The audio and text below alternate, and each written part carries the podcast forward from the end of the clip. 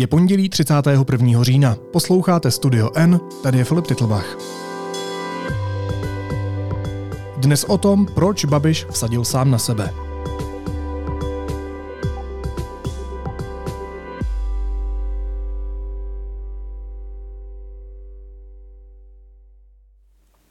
Ano, rozhodl jsem se kandidovat na prezidenta České republiky.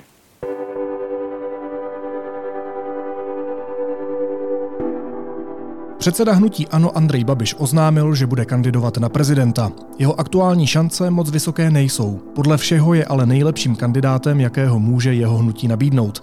Jaké možnosti může v kampani využít? A komu by jeho kandidatura mohla nahrát? Budu se o tom bavit s politickým analytikem deníku N Honzou Tvrdoněm. Honzo, vítej, ahoj. Ahoj Filipe, dobrý den.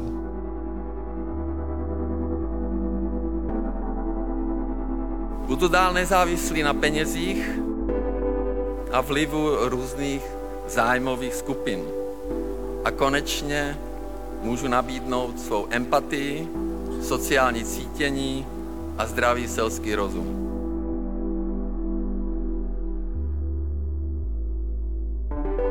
Andrej Babiš nenašel nikoho lepšího než je Andrej Babiš? Ne.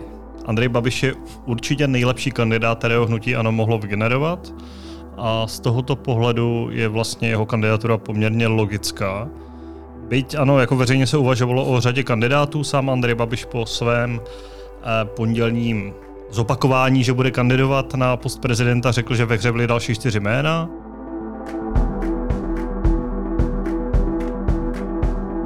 Paní Šilerová, pánové Vondráček, Havlíček a Stropnický, ale uh, asi po zvážení všech možností prostě hnutí ano dospělo k tomu, že jediný, kdo má aspoň nějakou šanci vyhrát je Andrej Babiš. Jak ta šance je velká, těžko říct, ale uh, ti zbývající kandidáti by zřejmě tam byli jenom do počtu a šli by si spíš pro porážku a byli by tam asi jenom proto, aby hnutí ano řeklo, máme svého kandidáta.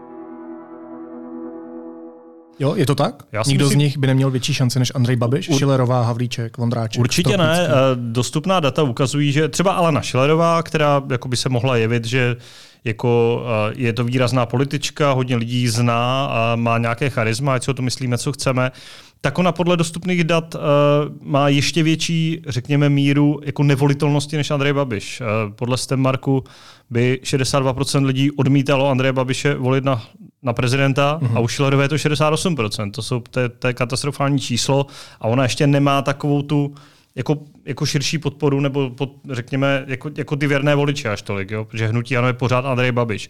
A v zásadě tohle platí pro ty další kandidáty.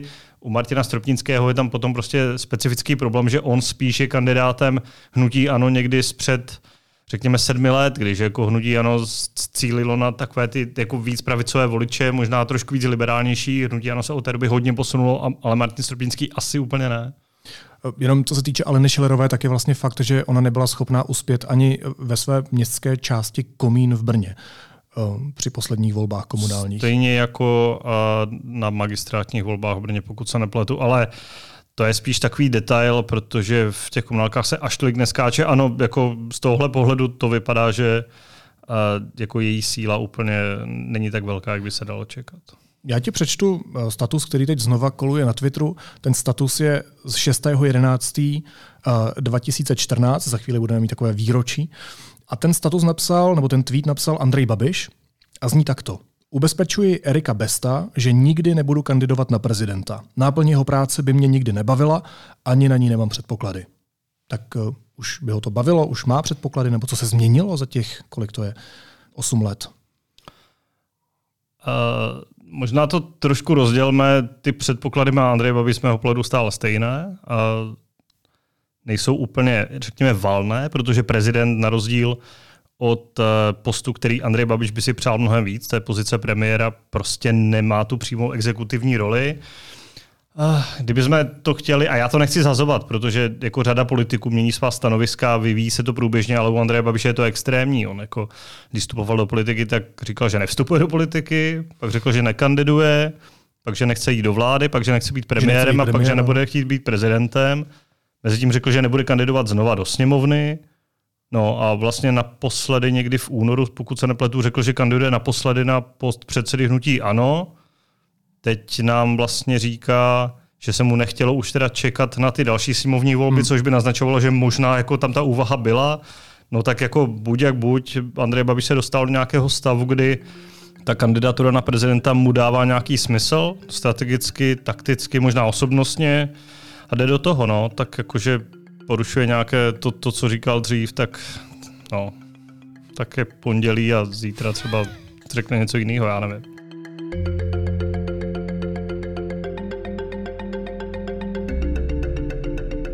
No a jenom řekni mi, proč o tom tak dlouho uvažoval? Protože tak tohle není poprvé, co se bavíme o Andreji Babišovi eh, jako o kandidátovi na prezidenta. Je to taktika a marketing, nebo, nebo je, to, je to fakt, že opravdu nevěděl, že opravdu uvažoval o tom, eh, jestli tam nepostaví nějakého jiného kandidáta? Jak to čteš, že s tím přišel až teď? Já si myslím, že zcela reálně ve hře byla ta možnost, že by kandidoval někdo jiný než Andrej Babiš ale jak veřejné, tak určitě interní data hnutí ano, ukazují, že jako nikdo jiný by tu šanci neměl. A Andrej Babiš jako nechce, z mého pohledu si to myslím, že nechce tam poslat nikoho jen tak jako na porážku, že, že mu to za to nestojí. On, i kdyby prohrál, tak zas až tolik neriskuje, protože on je v nějaké pozici, kdy Dobře, když nevyhraje prezidentské volby, tak se může soustředit na nějaké volby další, ale celou tu kampaň může využít k tomu, že bude ostřelovat tady vládu Petra Fialy, k tomu se hmm. možná dostaneme jako hmm. nějaké náplně jeho kampaně ale jako ty benefity z toho, kdyby vyhrál, by ty šance nemusí být velké, jsou pro něj jako obří. Jako stát se prezidentem je, jako to, to by byla jako poslední funkce, které Andrej Babiš jako kdy kandidoval z mého pohledu. Vyřešil by tím problémy spojené se svým soudním jako řízením, protože to by šlo prostě k ledu. A, by imunitu?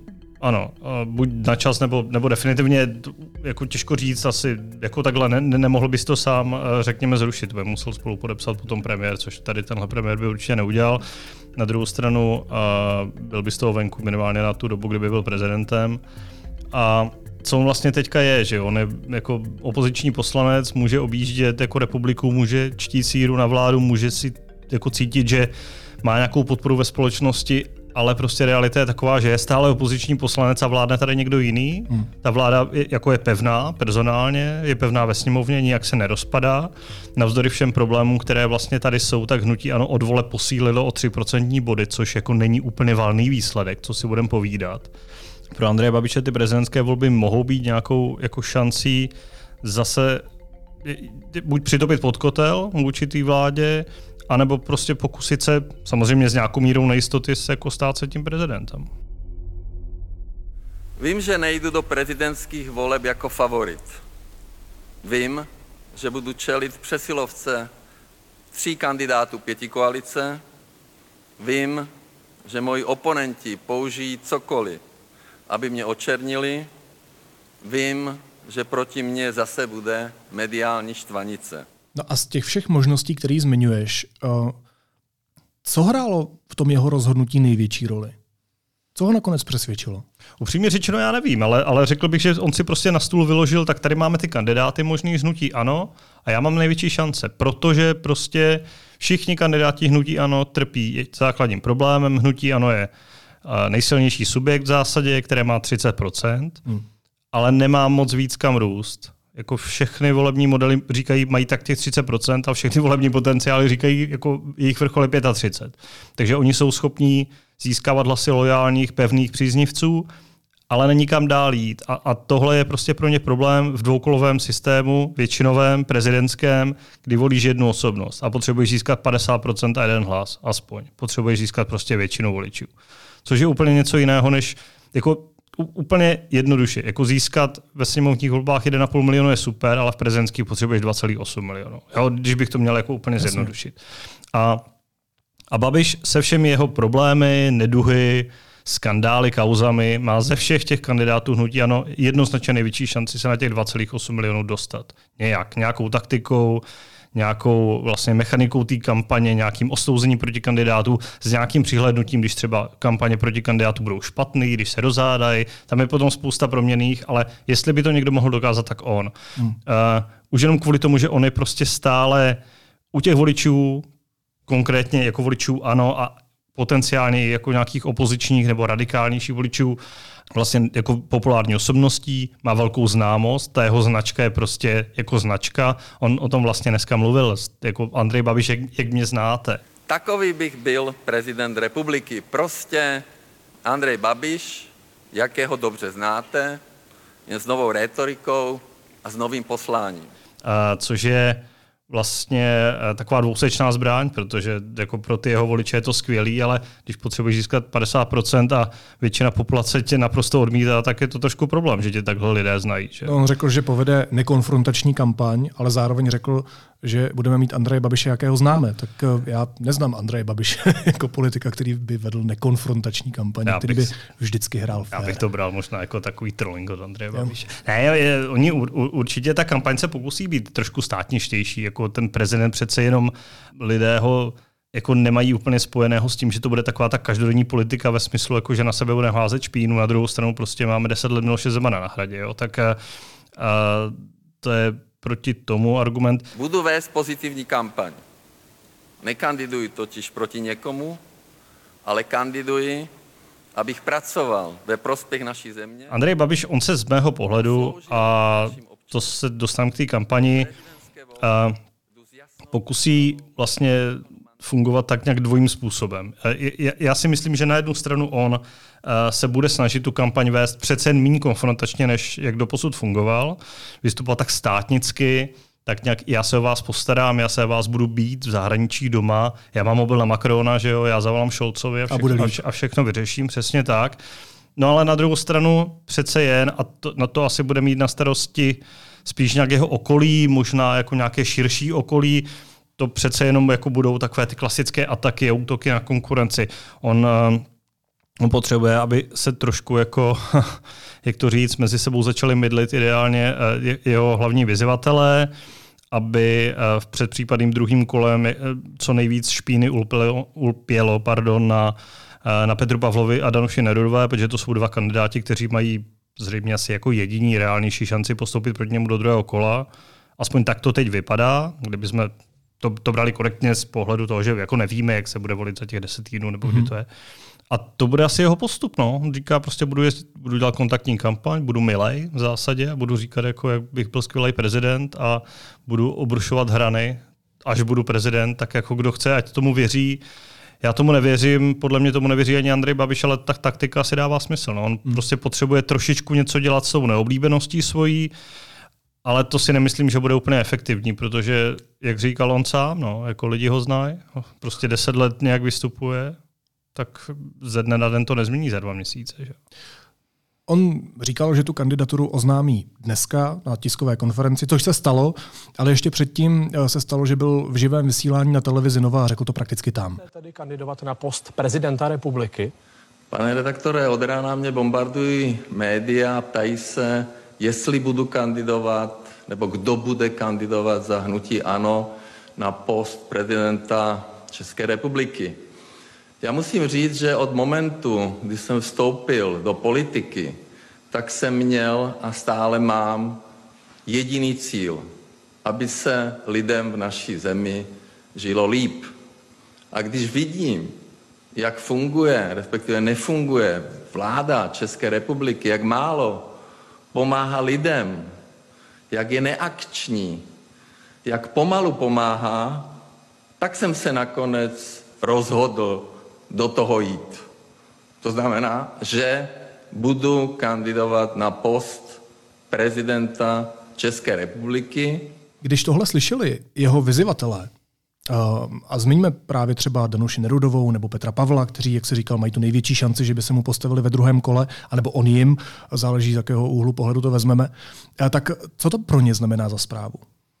Pro oba to znamená úplně něco jiného. A já si myslím, že Petr Pavel a jeho tým na tady tohle oznámení čekali a přivítali ho značením, nebo ne značením, ale jako je to pro ně fajn. A proč? Uh, protože tady ty volby, tady tímhle oznámením z mého pohledu dostávají trošku jinou dynamiku. Tady ty volby se teď nepovedou ve stylu, uh, jak by měl úplně vypadat jako výkon prezidentských pravomocí. Jak chceme dělat tu funkci, jak vlastně na, ne navážeme, ale právě nenavážeme na to, co dělal Miloš Zeman a podobně.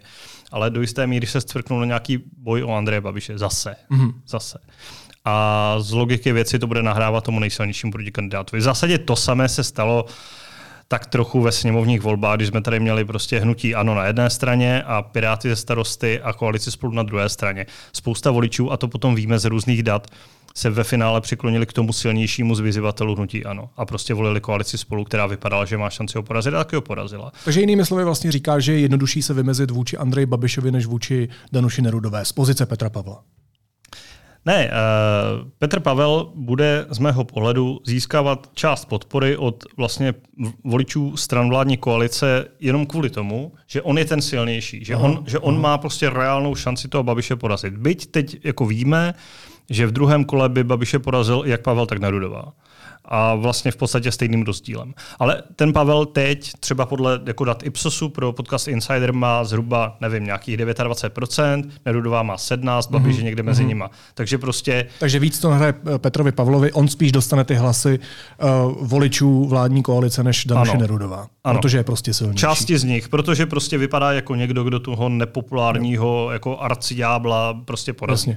Pro Danuši Nerudovou to úplně dobrá zpráva není. Ona má, ona má jako hodně dobrý čísla, vlastně v těch volebních modelech ve všech průzkumech jako roste a neúplně málo, ale tohle by jim možná mohlo trochu zbrzdit. Pro ně by bylo bývalo výhodnější, kdyby hnutí ano postavilo, nevím, Karla Havlíčka třeba nebo, nebo Alenu Schillerovou, protože ti by měli z mého pohledu a problém vlastně získat vůbec tolik procent, aby třeba hmm. jako zamířili do toho druhého kola. Tam by se reálně fakt mohlo hrát za nějaké konstelace, že by proti sobě do druhého kola postoupila Pavel s Nerudovou. Aspoň, aspoň podle těch čísel, které máme teďka, třeba ne, jako kdo ví, ale bylo by to určitě reálná šance, když kandiduje Andrej Babiš, tak tahle varianta je z mého pohledu vyloučená v zásadě a druhé kolo bude na jedné straně Babiš a proti němu Nerudová nebo Pavel. Mm-hmm.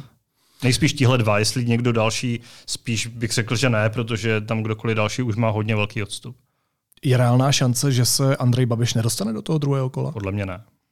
Podle mě je to v zásadě, jako jestli je něco jistého v těchto volbách, takže Andrej Babiš se dostane do druhého hmm. kola.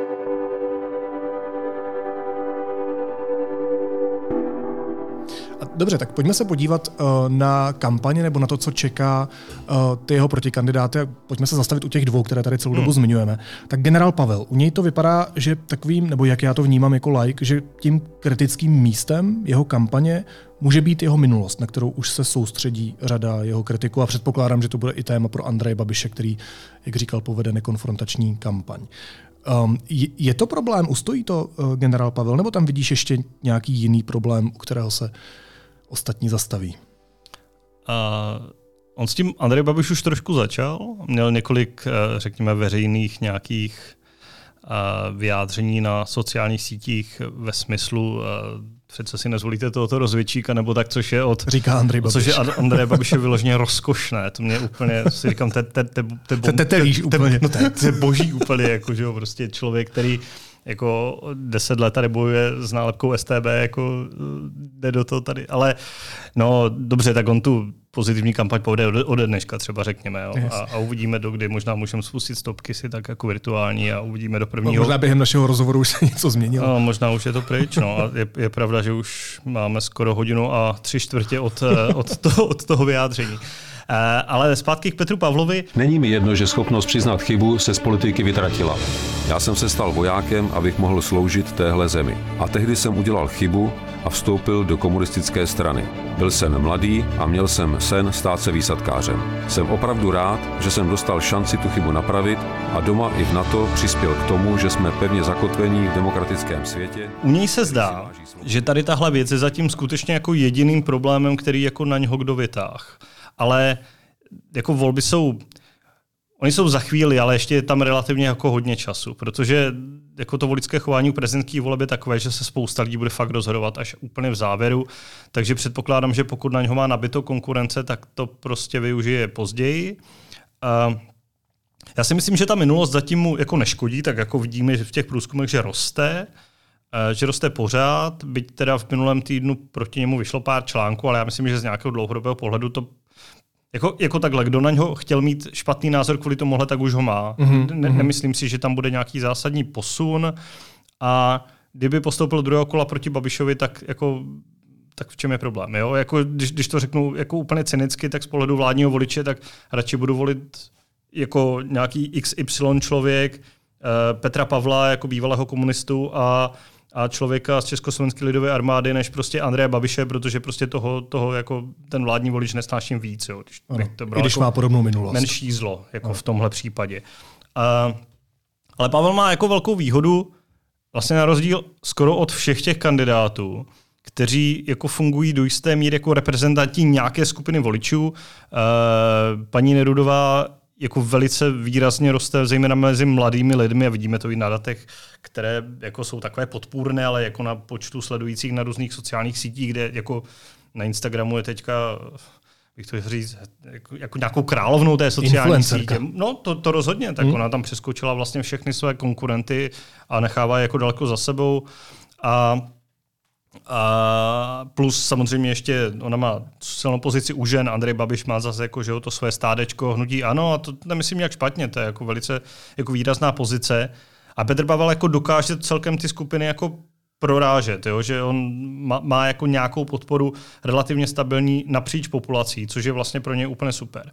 To je jako velký pozitivum a u něho je spíš jako velká neznámá ten finish té kampaně. No, jako až prostě proti sobě budou stát fakt v ostrých televizních debatách, kde jako teď na tu svoji minulost reaguje vlastně v pohodě, protože má na to ten tým, který mu dělá sranda videa a podobně, ale jako až proti sobě budeš mít jako Jakuba Železnýho někde a ten tě bude o tom grilovat, tak to bude asi trochu jako, jako jiná písnička. Že jo? Hmm. To, to, asi bude, jako, to asi bude lambáda úplná. Tohle.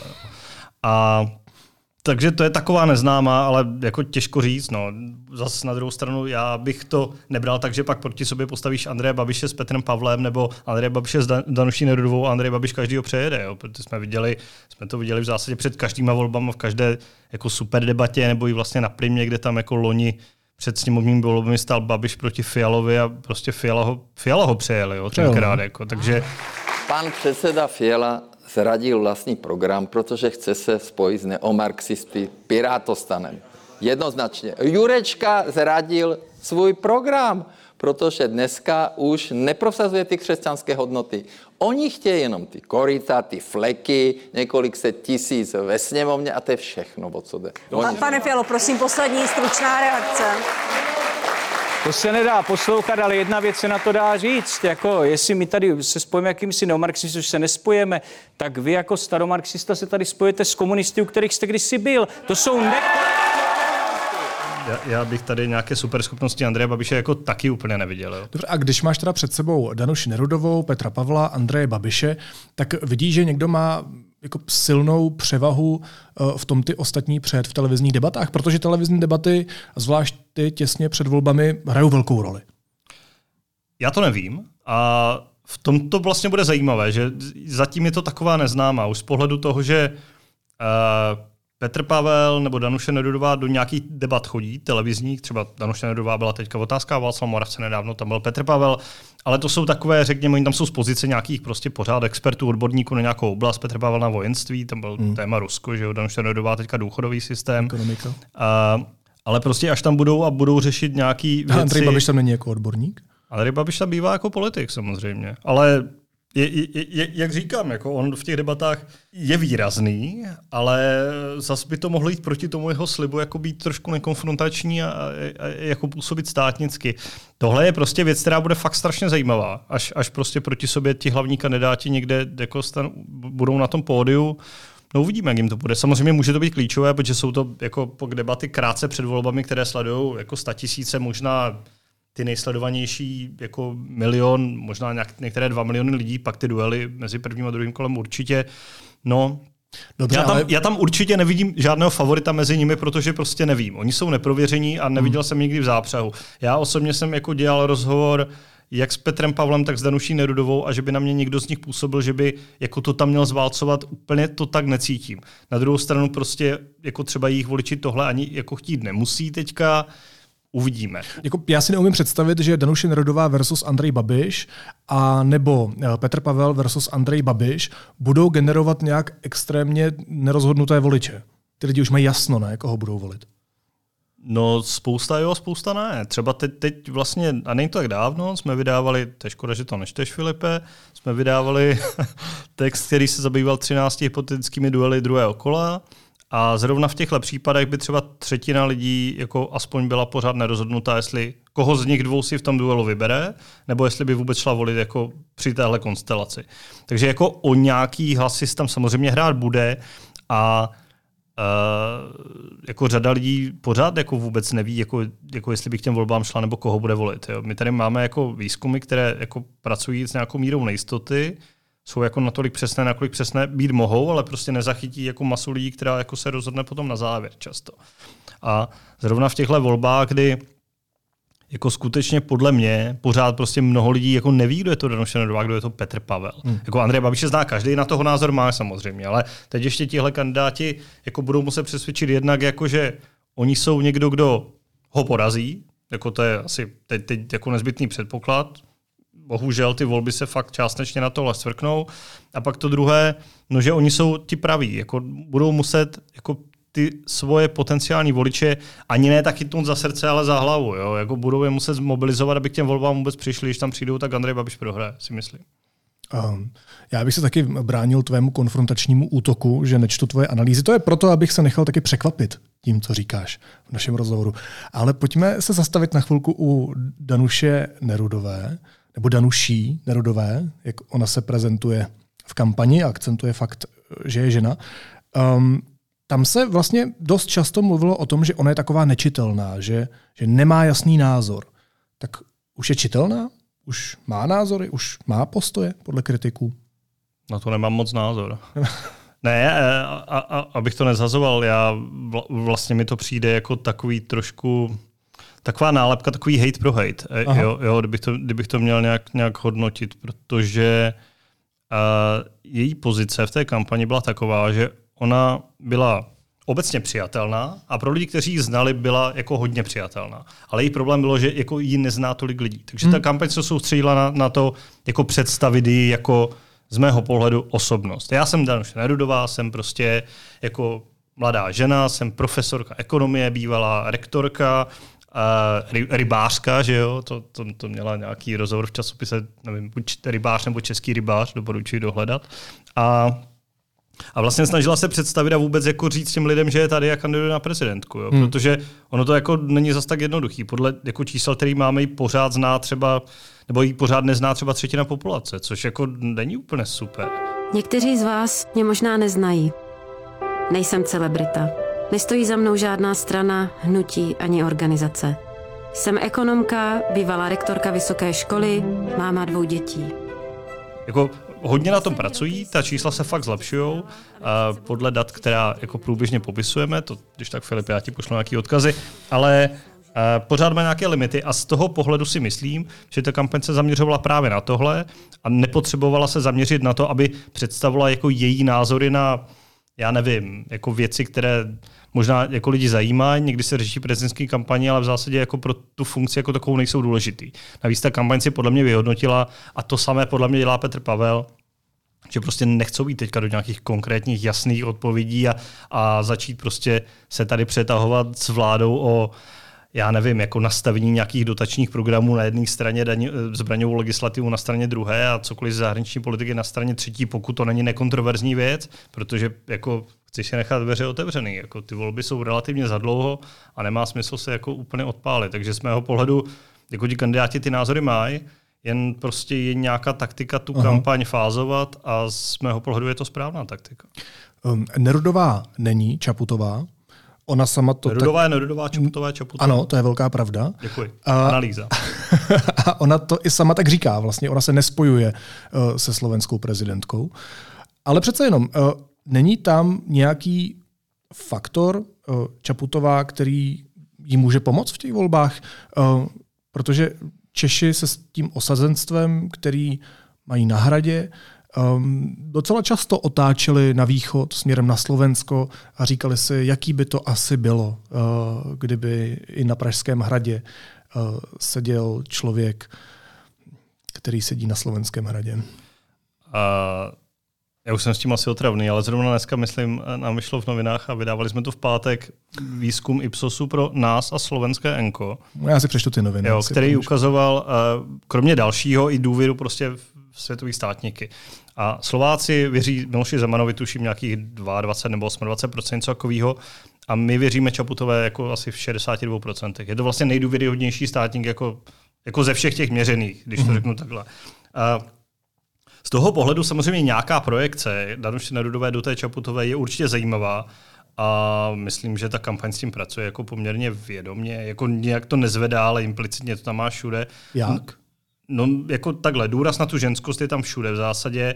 V každém rozhovoru je to takový, jo, tak vy se mě na to ptáte, je to až teda druhá otázka, já jsem to čekala, že jako čtvrtou takové srandičky, ale uh, tak nějak bych jako čekal, že se tomu vůbec jako nebrání. Podle mě jako, jako poměrně důležitá právě ta projekce jako taková. Jo? Jako když my máme tady tu velice populární osobnost, kterou jsme schopni jako nějak zaškatulkovat, empatická, příjemná, tak vlastně jako nějak si s tím asi v podvědomí jako část voličů pohrává a myslím, že jako ta kampaně v tom jako nechává. Jo? Jako nemá důvod jim to, jim to rozmlouvat. Samozřejmě Uh, paní Nerudová si asi nedá na billboardy, jako až bude horká fázi kampaně, co jako jsem Česká Čaputová, to by bylo prostě komický, že jo, ale, ale nějak možná s tím jako motivem se v té kampani hrát může. Co odborářský bos Josef Středula? On, on asi jako nedávno zažil takovou studenou sprchu, uh, když mu na demonstraci na Václavském náměstí přišly jenom hloučky lidí. Um, tady je samozřejmě potřeba říct, že, že on se minimálně snažil uh, to verbálně oddělit od té své prezidentské kampaně, protože to oficiálně uh, byla odborářská demonstrace proti chudobě. Ale o něčem to asi svědčí, kolik lidí tam přišlo. Já si myslím, že kampaň Josefa Středoly v zásadě skončila. Uh, Tímhle? Tím oznámením Andreje Babiše. Uh, jako první krok byl samozřejmě tady to naprostý fiasko na té demonstraci, kde jako došlo snad, já nevím, dva, tři tisíce lidí, což jako je No, je to fiasko. Já vlastně nevím, jak bych to nazval jinak. A tady po včerejším lomeno dnešním oznámení eh, šéfa ANO, že bude kandidovat na prezidenta, tak to je konečná, protože Josef Středula nemá nejmenší šanci se dostat do druhého kola a podle mě nemá šanci nic získat 10% hlasů.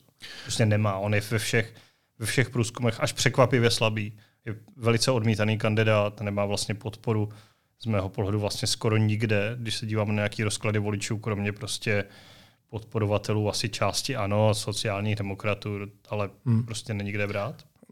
Podobně se může stát eh, prezidentem České republiky Karel Janeček, taky tak někde maximálně v metaverzu.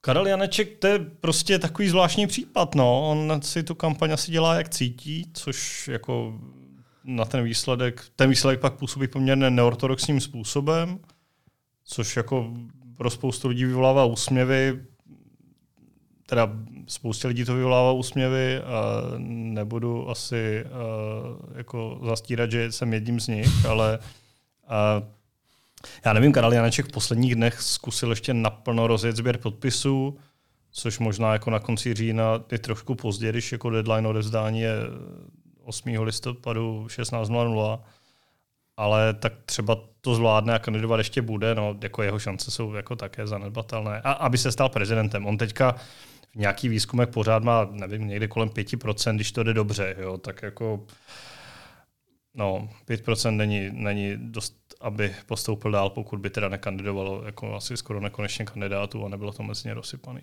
Zahrál jsi ještě Mateso od té doby, co jsme tady byli naposled s Prokopem? Ne, mně to ponížení jednou stačilo. Stačil se kamarády kvůli tomu? Ani ne, ale možná trošku respektu některých. Ty jsi nabýval ještě nějaký respekt u svých přátel? Je to divný, ale ano. Zvláštní. Co, co, co pak máme tady u těch letošních prezidentských voleb ještě jako za bizárek? Urodilo se něk, něco nebo urodil se někdo, o kom se třeba tolik nemluví a myslím, že by to mělo taky zaznít, že to patří k té atmosféře českých voleb? Za mě samozřejmě, za, já, já bych vypíchl dva momenty. Jeden jako obecně, jako takový fenomén, a to máme kandidáti, kteří zezbírali ty jako desítky tisíc, skoro sto tisíc podpisů, přitom je zatím nikdo neviděl, tak to je vlastně jedna věc a uvidíme, a kolik nich vlastně projde tím sítem na ministerstvu vnitra.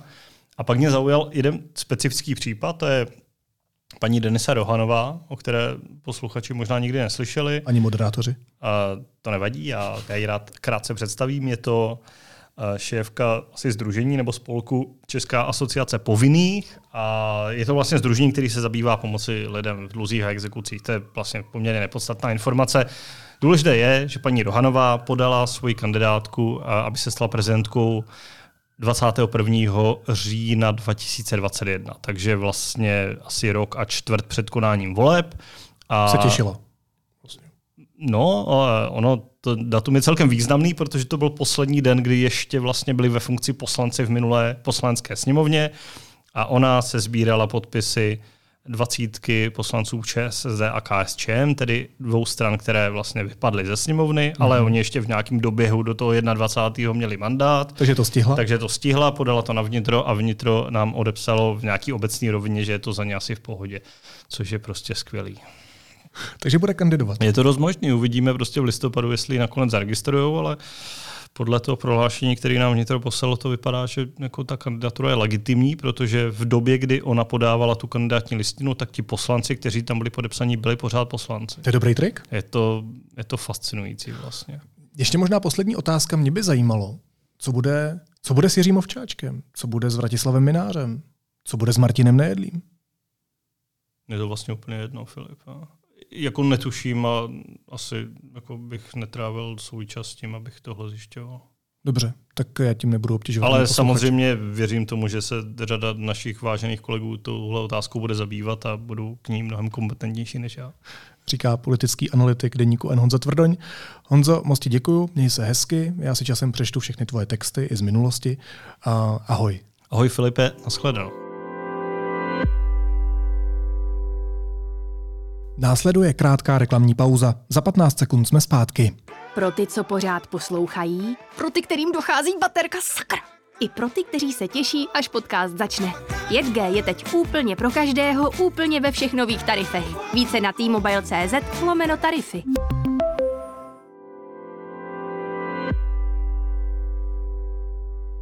A teď už jsou na řadě zprávy, které by vás dneska neměly minout.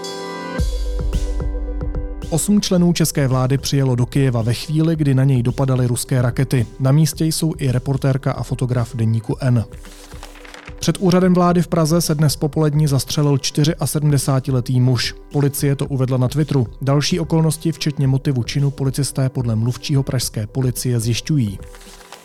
Policie prověřuje vyvěšení české a ukrajinské vlajky s Putinem v pytli na mrtvoli na budově ministerstva vnitra. Český státní symbol smí vyset jen na čele budovy a ne ze zadu, jako je to v tomto případě. Vnitro argumentuje, že jde o uměleckou instalaci a podle jeho právního názoru zákon neporušuje. Příštím prezidentem Brazílie bude Luis Inácio Lula da Silva. Levicový ex-prezident ve druhém kole těsně porazil současnou hlavu státu ultrakonzervativního Jaira Bolsonára. A Rusko pozastavuje svoji účast na dohodě o vývozu obilí z ukrajinských přístavů. Důvodem jsou podle Moskvy údajné útoky na lodě v Sevastopolu, ze kterých Rusko obvinilo Ukrajinu i Británii. Tato odmítla jako lež.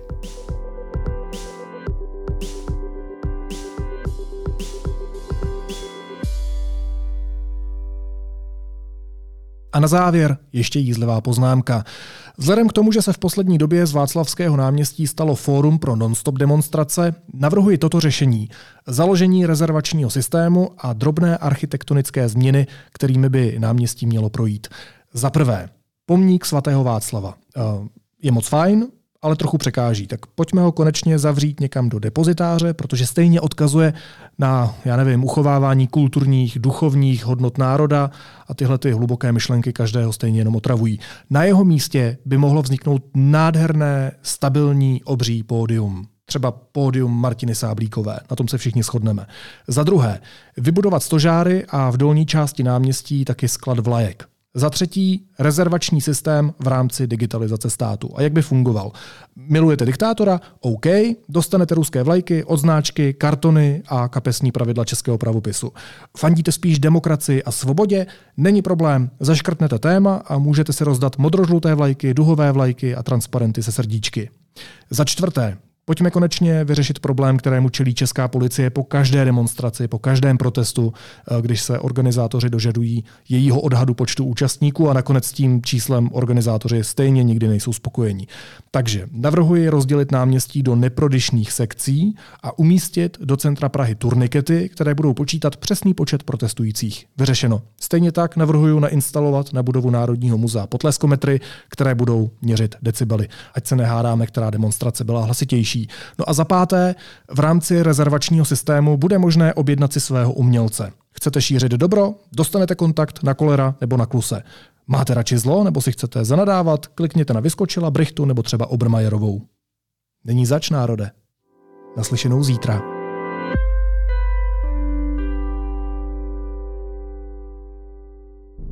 Loutky mají navíc tu výhodu, dodal, že popírají gravitaci. Neznají setrvačnost hmoty, která nejvíce ze všeho znesnadňuje tanec. Síla, která je nadnáší, je totiž větší než ta, která je poutá k zemi. Heinrich von Kleist, poslední kapitola dějin světa. Režie Katarina Schmidt. Premiéra 6. listopadu ve studiu Hrdinů.